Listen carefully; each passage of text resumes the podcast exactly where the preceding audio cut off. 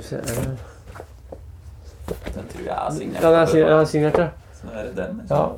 Nå er- Det er, for det, nå er det Spartkus som har overtatt den her. Jeg har gitt den til dem. Ja. Så nå kan de bruke den eh, Som de vil. Ja ja, jeg har jo Jeg har jo fått tjent inn det jeg la ut på den.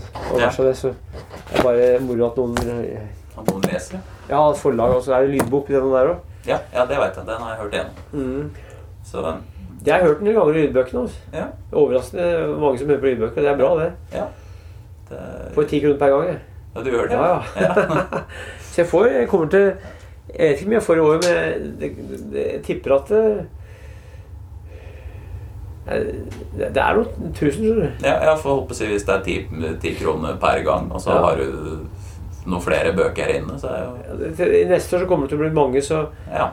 jeg vet at um, Det er noen tusen som hører på det. ja. Det er moro, det. Det, jeg håper si altså teipen går. Så Ja, ja. jeg vet ikke om du har lyst til å da avsløre det, hvem som kommer som lydbok eh, senere? Det er jeg ikke sikker på, for at eh, jeg vet ikke hvor, eh, hva som legges ut. Jeg, men eh, jeg tror kanskje Femmila har lagt ut nå. Ja. For det, lydbøkene er gitt ut, vet du, men så legges det lydbok eh, etter hvert. Så For jeg så Først i løypa har vel kommet nå. tror har den det òg? jeg. Ja. Ja, suverent. Det er bra. Og så Josef Elvebakken veit jeg er ute. Ja, Josef Jarlbakken ute. Første løypa. Um, Norske utedoer. Ja. Magnus Wolff Larsen er ute. På Loffen er ute. Proffene. ja. Så jeg kan sikkert slå opp på telefon, men altså det Det kommer flere. Det kommer Ja. flere. Det- eh, Jeg tror jeg I løpet av neste år så tror jeg det vil være bortimot 20 som Ja. er på lydbok. Ja. Tror jeg er bortimot 20. Ja. Så kommer det en serie også som er lagd på 100 episoder. Eh, noe annet tull som jeg har prata om sjøl. Oh. Ja. Ja. 100 episoder på 20 minutter. ja. Det, det er litt tid, det. Det er ganske mye. det. Det- Det er 33 timer. Det, vet du. 100 Ja. minutter. det, er, jo- det, er jo, det er jo 2000 minutter, og 2000 minutter er jo mer enn mer enn, eh, 30 timer. Mm. Veit du noe om når det kommer? Jeg er ikke sikker. Ja. Det er ferdig, men de driver og klipper og øh, ordner opp. Så Ja. det kommer etter hvert. Ja. Jeg kan si fra. Ja, Hvis du vil det. Det er bare å høre. Ja, Så jeg veit ikke om jeg får hørt gjennom alt mer. Nei, nei. Det, er, det er så mye som skal høres. 20 minutter i slengen er jo ganske lite, så du kan ta Ja. 20 minutter i slengen. Ja, det er sant. Ja. Det, det er lettere det enn å begynne på det der Ja, ja. lursteinene på lydbok. jeg, Så ja. Ja. 36 timer, ja. Hvilken er det? Jeg lurer- Jeg tror det var da Gudfaren-bøkene. Å, ja, ja, ja. tror jeg hørte gjennom. og Ja.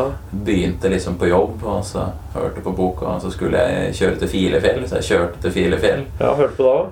Ja, ja, Var ja. det ålreit å høre på, eller? ja det, det var absolutt ålreit. Ja. Eh, Så ja, vi kjørte hjem fra Filefjell. Og var på jobb på mandag med samme lydboka. Og jobb Ja, ja. på tirsdag. Ja, ja. Det er bra. Så da hadde jeg litt, eh, litt å høre på. Ja. Skal vi gå litt på Ørkenen Sur? ja. Det, jeg håper å si, hvor vil du begynne?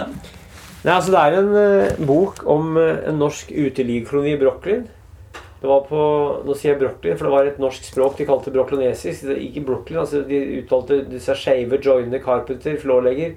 Og så sa de Brooklyn. Ja. Det ble kalt brooklynesisk, det norsk-amerikanske språket som de prata der. Og det var en brakkeby som oppsto i eh, Red Hook. Eh, Det var tolv kvartaler. Og eh, det var jo eh, krise i sjøfartsnæringen etter første verdenskrig. Mm. Mange norske sjøfolk var arbeidsløse, fikk ikke opphold i USA, og de gjemte seg på ei søppeldynge. Noen av de var alkoholiserte, og bygde hytter der.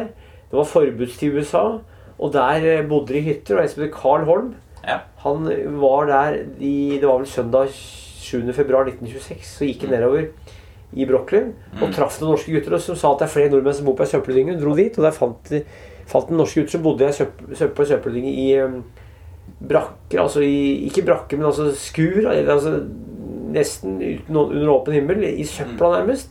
Det var industrielt avfall, tolv kvartaler med gamle skip og biler og forskjellige skrap. Det var ikke, altså, så- det var ikke mat, det var ikke den type søppeldynger, det var mer industrielt avfall. Og der var det Så dro han hjem og leste Bibelen om kvelden, og så leste han om Moses som gikk i Var det Moses som gikk gjennom ørkenen sur? Ja. En ufruktbar ørken. Og så sa han at det her Det døpte han sted for Ørkenen sur. Ja. Og da ble det hetende Ørkenen sur i norske aviser. Nordisk Tide for eksempel, og Norgesposten skrev om Ørkenen sur. Og det var flere brakkebyer i New York. Det var ca. 20 etter hvert. Men Ørkenen sur var brakkebyen for de norske gutta. Og jeg skrev en bok om den brakkebyen Mm. som altså eksisterte fra ca. Ca. 23 fram til 34. I en tiårsperiode så bodde det altså flere nordmenn på en søppeldynge i Brooklyn og hadde et eget samfunn med egne gatenavn. Depression Street, Hoover Avenue. Death Valley, der var det sju mann som drakk seg i hjel. Ja. Og de hadde egen borgermester, det var Erling Olsen, som regjerte med sunn fornuft og tok knyttnever.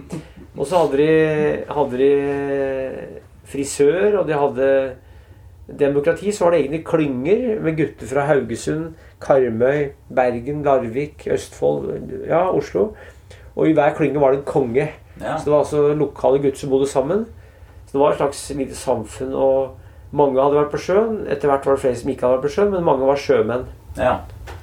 Så Jeg holdt på å si, altså, hvordan var en, en vanlig hverdag der? kan du si? Altså, Hva skjedde som regel?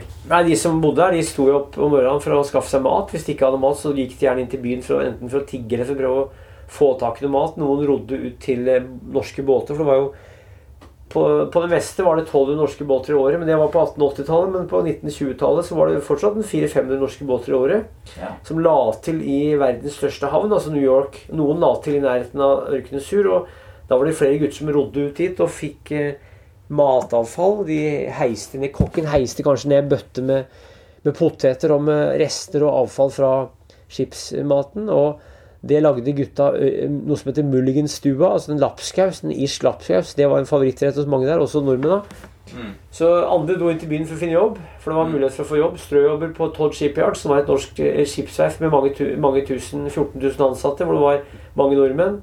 Andre sto under skyskrapere, for hvis det datt ned en kar og slo seg i hjel, så var det en ledig stilling. Ja. Så, og, og mange, mange jobba, altså, men mange hadde ikke jobb. Og noen dro ut for å prøve å få hyre. Noen var fylliker, andre var ikke fylliker. Og det var et eh, broket miljø.